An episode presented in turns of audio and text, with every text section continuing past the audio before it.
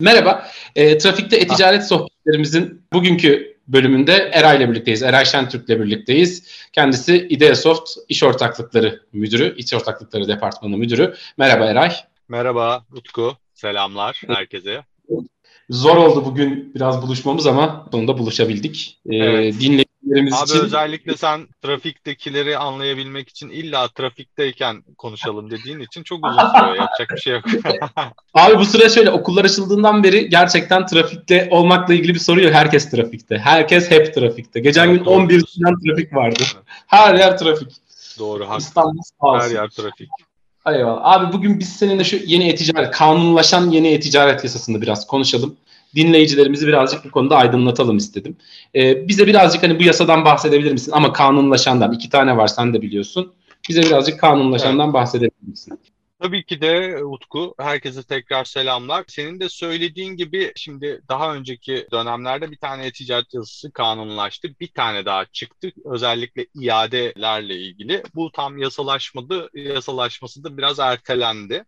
O nedenle biz yasalaşan aslında e-ticaretin hem şey anlamda, teorik anlamda bazı kurumların e-ticaretin neresinde yer aldığını teorik anlamda göstermesi ve bunun Hı-hı. sınırlarını çizmesi anlamında önemli bir kanun. Sektörü Hı-hı. oldukça etkileyecek bir kanun olduğunu söyleyebiliriz. Bu biraz şuna benzetiyorum bu kanunu.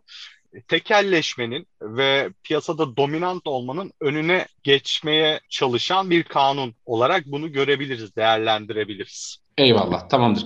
Ya artılarından eksilerine, şimdi bir kanun çıktığında doğal olarak hani iyi tarafları, yani iyi tarafları olduğu gibi negatif tarafları da oluyor. Yani sektörü iyi pozitif şekilde büyütecek şekilde etkilediği gibi regüle edip düzenleyip küçültse bile hani bir miktar hani eksi tarafı da oluyor. Birazcık biraz bunu anlat, anlatabilir misin? Sence nasıl bir yasa bu? Sistemimizi nasıl etkileyecek e-ticaret sistemimizi? Öncelikle istersen yasanın şeylerine bakalım, maddelerine bakalım. Neleri öngörüyor, neleri öngörmüyor. Ondan sonra da genel bir değerlendirme yaparız. Şimdi Eyvallah. yeni yasalaşan e-ticaret kanunuyla birlikte e-ticaret servis sağlayıcıları terimini ortaya konuldu ve bunun çerçevesi çizildi. Yani 10 milyar TL hacim yapan e-ticaret servis sağlayıcıları, 30 milyar TL hacim yapan e-ticaret servis sağlayıcıları ve 60 milyar TL hacim yapan e-ticaret sağlayıcıları olarak bunları e-ticaret hizmet sağlayıcıları olarak bunu bir kere üçe böldüler. Hı hı. Bunlar aslına bakarsan önümüzde var. İsim söylemekte e, zarar görmüyorum. İşte hepsi burada gibi, hı. Trendyol evet. gibi, N11 gibi, Akakçe gibi. Daha, daha önce gitti gidiyor artık yok sektörde ama gitti gidiyor gibi marketplace'leri aslına bakarsan regüle etmeye yönelik bir ve bunun gibi e, Amazon gibi firmaları daha büyük, bilinirliği daha yüksek, pazarı domine edebilen, pazara yön veren firmaların tekelliğini önüne geçilmesini sağlamak amacıyla bir regülasyon ortaya kondu. Bu hı hı. iyi mi kötü mü? Şimdi bu şöyle bir şey var. Bunu aslında e-ticaretten değil fiziksel ticaretten örnek verebiliriz Utku. Hı. Türkiye'de birçok yabancı firma gelip atıyorum araba üretti, araba parçası üretti, işte ne bileyim tekstil ürünü üretti. İşin sonunda bunlar Türkiye'den gittiğinde biz Türkiye olarak araba üretemiyorduk. Tekstil ürünü de üretemiyor oluyorduk yani. Çünkü öyle bir dominantı vardı ki ve kuralları kendileri koyuyorlardı ki benim aslında o teknolojiyi öğrenip kendi şey üretmemi de engel olan bir dominasyonları vardı. Hı hı. Benzer şey aslına bakarsan e-ticarette de var. Online'da hı. da var. Bu firmalar o kadar kuvvetli ki seni bir yerde evet sana satış kanalı açısından bir şeyler yaratıyor sana ama bir yerden sonra senin elinden bu fırsatı alabiliyor ve kendi üretmeye başlayabiliyor ve sen artık satamaz oluyorsun. Dolayısıyla mikro işletmeler veya küçük işletmeler, orta düzey işletmelerin aslında büyüme potansiyellerini elinden alan bir e, tekelleşmeye doğru gidiyordu ve bunu e, Ticaret Bakanlığı gördü e, diyebilirim. Bunu fiziksel dünyada çok fazla gerçekleştiremiyorsun. Çünkü ortada çok fazla böyle e-ticaretteki gibi anlaşılabilir veri olmadığı için bu 10 yıllar sonra ortaya çıkabiliyor. Ama e-ticarette bunun tespiti oldukça basit. O nedenle bu tekelleşme olmasın ve küçük ve orta ölçekli işletmeler kendi büyümelerini gerçekleştirebilsin diye böyle bir denge konmak istendi ve bunun için bu yasa ortaya çıktı.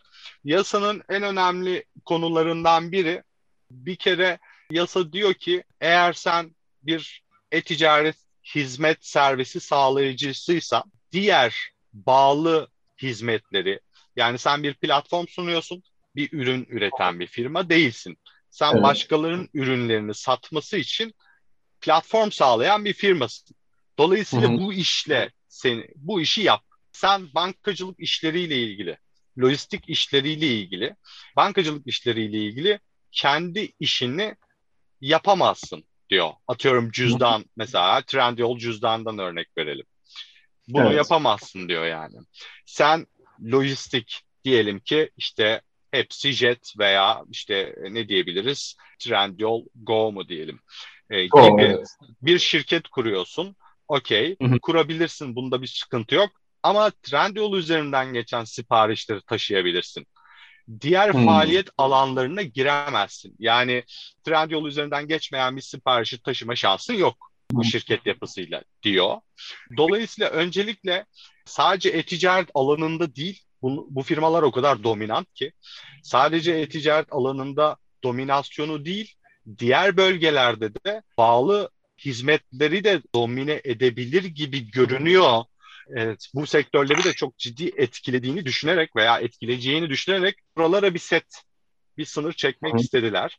Çünkü o tarafları da etkilerse iş iyice tekerleşecek gibi Hı-hı. görünüyor. İkincisi sen başkalarının verilerini kollekt ederek, satış verilerini vesaire kollekt ederek o ürünü tekrar üretip satamazsın dedi. Ve bunu Trendyol biliyorsun Trendyol Media diye bir evet, şey var. Yani bunu marketplace'ler kötüye kullanıyordu zaten. Ee, yani kötüye derken kendi iyilikleri için ama o mikro işletme için kötü. Düşün sen bir ürün üretiyorsun, Utku tişörtsün, tasarım yapıyorsun. Bakılıyor ki bu ürün satıyor. O zaman biz de üretelim diyor. E bunun engeli yok. O da üretiyor. Sonra sen satamaz oluyorsun. Sen sektörden kayboldi, kayboluyorsun. Senin yerine yine o aynı marka almış oluyor. Bu birçok firmanın başına geldi ve bu çok rahatsız edici oldu. Boyutları ulaştı. Sen hatta şöyle bir şey oluyor ilk başta da kaybetmiyorsun küçük işletme olarak. Sen bakıyorsun ki ya benim ürünüm satıyor. Yatırım yapıyorsun. Makine alıyorsun, belki personel alıyorsun vesaire alıyorsun vesaire alıyorsun. Ürünü sattığın platform bir bakıyorsun senin ürünün aynısını koymuş. E, bundan sonra sen satamıyorsun. Bütün yatırımların oyun buyun ve batıyorsun. İşin sonunda batıyorsun, yönetemiyorsun onu ve senin bir mikro işletme pozisyonundan bir kobiye çıkma şansın kalmıyor istihdamı da engelliyor, bu yatırımı engelliyor, büyümeyi engelliyor, birçok şeyi engelleyen bir konu. E, dolayısıyla bunun da önüne geçiyor bu yasa. Ondan sonra biliyorsun yine bu e, büyük platformlar şunu yapıyordu. Ben de bu ürünü 100 TL'ye satıyorsan sitende 98'e satamazsın. Bunu istiyordu. Bu yasak yani. Hatta cezai yaptırım uyguluyordu. Hani böyle bir şey görürsem basarım ceza ediyordu. Ki bu ticaretin doğasına aykırı. Yani sonuçta evet. orada komisyon veriyor. Komisyon komisyon verdiği için kendi sitesinde veya kendi dükkanında daha ucuza satabilmesi gerekiyor adamın. Satamazsın diyor. Çünkü müşteri aradığında en ucuzunu benden görmesi lazım. Veya ben bu ürünü senin için satarım. Evet platforma ekle ama bu ürünü şu fiyata satacaksın. Veya stok işte şundan bin tane satacaksın gibi şartlar böyle koyuyordu. Kendi hmm. şeyine güvenerek tekel ya da tekel demeyelim ama dominasyonuna güvenerek mikro işletmeye böyle zorunluluklar getiriyordu. Artık bunu yapamayacaklar. E, bu da zaten son kullanıcı tarafında enflasyonist bir baskıya sebep oluyor. Yani sen aslında daha ucuza satabilecekken satamıyorsun Utku. Bu seni beni evet. işte bizi dinleyenleri bir ayakkabı alırken, tişört alırken daha pahalıya almaya itiyor e, enflasyonist bir baskı da oluşturuyor. Bunun da bir yandan önüne geçmeye çalıştılar bu yasayla. Onun dışında reklam vermekle ilgili e, bir çerçeve var. E, şimdi biliyorsun şimdi hangi platforma girsek, internette biraz surf yapsak, işte sosyal medyada biraz surf yapsak biliyorsun ki bu pazarı domine eden firmaların reklamlarını çok sıklıkla görüyoruz. Rahatsız edici evet. boyutlarda vesaire. Evet. Dolayısıyla bu reklam bütçesi üzerinde de bir sınırlama getirildi platformlara, dominasyon etkisi yüksek platformlara.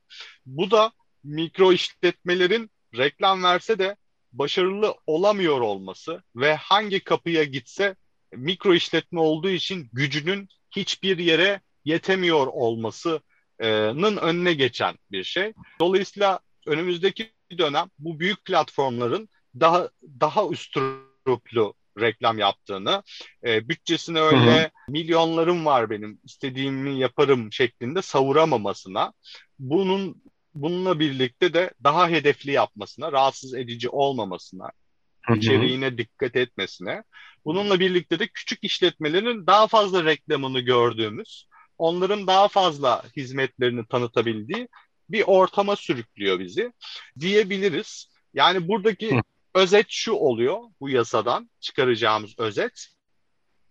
Küçük işletmelerin büyümesine set çeken etkiyi ortadan kaldırmak veya bunu bir kontrol altına almak istedi Ticaret Bakanlığı.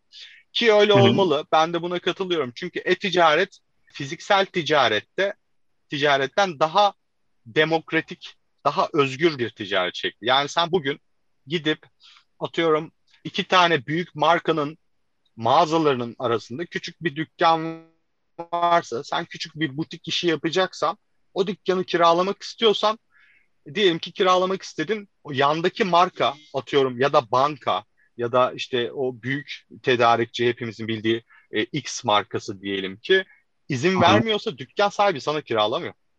Fiziksel evet. dünyada böyle şeyler var. Aynı şeyler online'da yok. Online'da ama olmaya meyilli görünüyor. Olmasın hmm. diye daha serbest piyasa ekonomisine yakın bir dünya, e-ticaret dünyası, internet dünyası. Bunun da faydası kime? Faydası tüketiciye. Tüketici aradığı ürünü aradığı fiyattan bulabilmesi gerekir. Daha özgür ve serbest rekabet koşullarına uygun olması gerekir. Tüketicinin elini istediği hizmete, istediği firmadan, istediği fiyata alabilmesini sağlamanın yolu da bu dominasyon etkisini yaratan ve tekelleşmeye giden yolu artık regüle etmekti. Bunu yaptılar. Küçük işletmeler açısından faydalı. Valla acayip güzel özetledin. Yani benim üçüncü sorum küçük iş girişimcinin işine yarayacak mıydı? Evet belli ki küçük girişimcinin bayağı işine yarayacak. E, ekosistemi de düzenleyecek. Dördüncü sorum da buydu. Bunları da sormuyorum. Ben direkt beşinci soruya atlıyorum. Peki buradan şunu anlıyoruz. Daha büyükler, o büyük balinalar birazcık normal bir şekilde rekabet edip çok o kadar vahşi yapamayacaklar. E, bu durumda mikro işletmeler, orta boylu işletmeler kendilerini nasıl güncellemeli? Bu kanun nasıl fırsatlar doğuruyor? Neler yapmalı? Birazcık da oradan hani kanun çok iyi özetlendi. Bir de birazcık tavsiye verebilirsek bence acayip güzel olacak. Tamamdır. Çok güzel bir soru. Geleceğe de hazırlanmak lazım çünkü. Şimdi öncelikle mikro işletmelerin e, daha öncesindeki tavırları başka bir markanın altında kendi markasının ürünlerini satabilmek üzerine kuruluyordu. Kendi evet. ticaret sitelerini e, engelleri vardı. Şimdi bu engeller ortadan kalkınca kendi e-ticaret siteleri artık çok büyük değer kazanacak. Kendi e-ticaret sitelerinde yaptıkları ürün seçimleri, dizaynlar, fiyat politikasını kendi belirleyebiliyor olması artık bir baskı görmeden bu tarz şeylere daha çok önem vermeleri gerekecek ve bu onların birkaç kat daha satış yapabiliyor olmasını sağlayacak. Yani önümüzdeki dönem mikro işletmelerin markalaştığını ve büyüdüğünü göreceğiz. Birincisi bu. Buna hazır olsunlar. İkincisi daha yüksek hacimlere çıkacağı için bu firmalar aynı zamanda da daha rahat reklam verebilecekleri için belki 3 katın 4 katın üzerinde daha yüksek hacimler e, göreceğiz. E, bu da bazı problemleri de getirecek. Hem sitenin yönetilmesi tarafında hem stokla ilgili hem müşteri operasyonu tarafında hem de işte ne bileyim reklamların yönetilmesi, lojistik tarafının yönetilmesi gibi yani normalde görmediği bir hacim görecek bu e, küçük markalar. Buna da bir yandan yatırım yapmaya başlaması gerekiyor. operasyonunu optimize etmesi gerekiyor. Yani önümüzdeki dönem bence e, küçük işletmelerinin küçük işletmelerin büyüdüğü, e-ticaret sitelerinin önem kazandığı, kendi e-ticaret sitelerinin ve kendi markalarının büyüdüğü e, bir dönemi gösteriyor. Burada da şöyle özetleyebiliriz. Önceden yani e, bu yasadan önce Hı hı. Siklet farkı vardır rekabette Utku. Hani boksta vardır ya ağır siklet. Belli kilodaki evet, adamla belli kilodaki hı hı. adam çarpışır yani. Ya da futbolda Şampiyonlar Ligi var. Hepsi belli levelin üzerindedir, kalitededir. E-ticaret de öyle değildir. Reklam yapıyorsun. Senin karşında reklam yapanın senin bütçenin 5000 katı bütçesi var yani. Oh, rekabet böyle çok korkunç e, ezici bir e, dünyası vardı. Şimdi rekabet belli bir düzeye geldi. Dolayısıyla mikro markalar, orta seviye markalar birbirleriyle yarışacak. Ciddi de bir yarış olacak. Burada da e-ticaret sitesine önem veren, buna yatırım yapan, kalitesini arttırmaya çalışan firmalar kazanacak. Valla abi müthiş özet. Yani önümüzde çok aslında mikro işletmeler için heyecanlı bir dönem başlıyor heyecanlı, kazançlı, karlı bir dönem başlıyor. Hakikaten devletin bu konuda, hükümetin bu konudaki tavrını da ben çok olumlu buluyorum. Bu bir hani işte dominant oligopol birkaç şirketin domine ettiği bir e-ticaret ekosistemi yerine böyle demokratik, çok daha hani küçük firmaların realiz, real bir şekilde yaşayabildikleri bir sistem kurmak bence çok çok çok daha önemli. Hani bu anlamda ben bu yeni e-ticaret şeyinin kanunun daha fazla uygulanıp hayatımızda daha fazla yer almasını heyecanla bekliyorum. Ben de öyle görüyorum. Doğru bir adım olarak görüyorum. Çünkü dominant oyunculardan bir tanesi sektörden gittiği zaman aslında elimizde hiçbir şey kalmamış oluyor. Eğer dominant oyuncu hata yaparsa sektör hatalı ilerliyor. Yapmazsa e, yani o da bir ticari işletme ona kalmış oluyor sektör. O nedenle bu çok riskli bir şey. Tüm sektörler için riskli bir şey. Ticaret Bakanlığı bunu gördü zannediyorum. İlerisinin tehlikeli olduğunu düşündü ve böyle bir önlem aldı. Ben de bunun mikro işletmeler, kobiler, e-ticarete yeni başlayacaklar, başlamış olanlar, hala hazırda yapanlar için çok önemli olduğunu ve onlar için daha iyi bir gelecek olduğunu, daha karlı olduğunu düşünüyorum. Davet için de teşekkür ederim. Umarım her, her şeyi cevaplayabilmişizdir. Çok gerçekten çok güzel cevap. Seninle konuşmak her zaman gibi çok keyifli. Çok teşekkür ederiz vakit ayırdığın için. Çok teşekkürler. Ee, dinleyicilerimize de umarım hani bu kanunun sonuçlarını bir hukukçu gözüyle değil bir eticaretçi gözüyle anlatabilmişizdir. Dinlediğiniz için çok teşekkür ederiz. Yeni bölümlerde görüşmek üzere.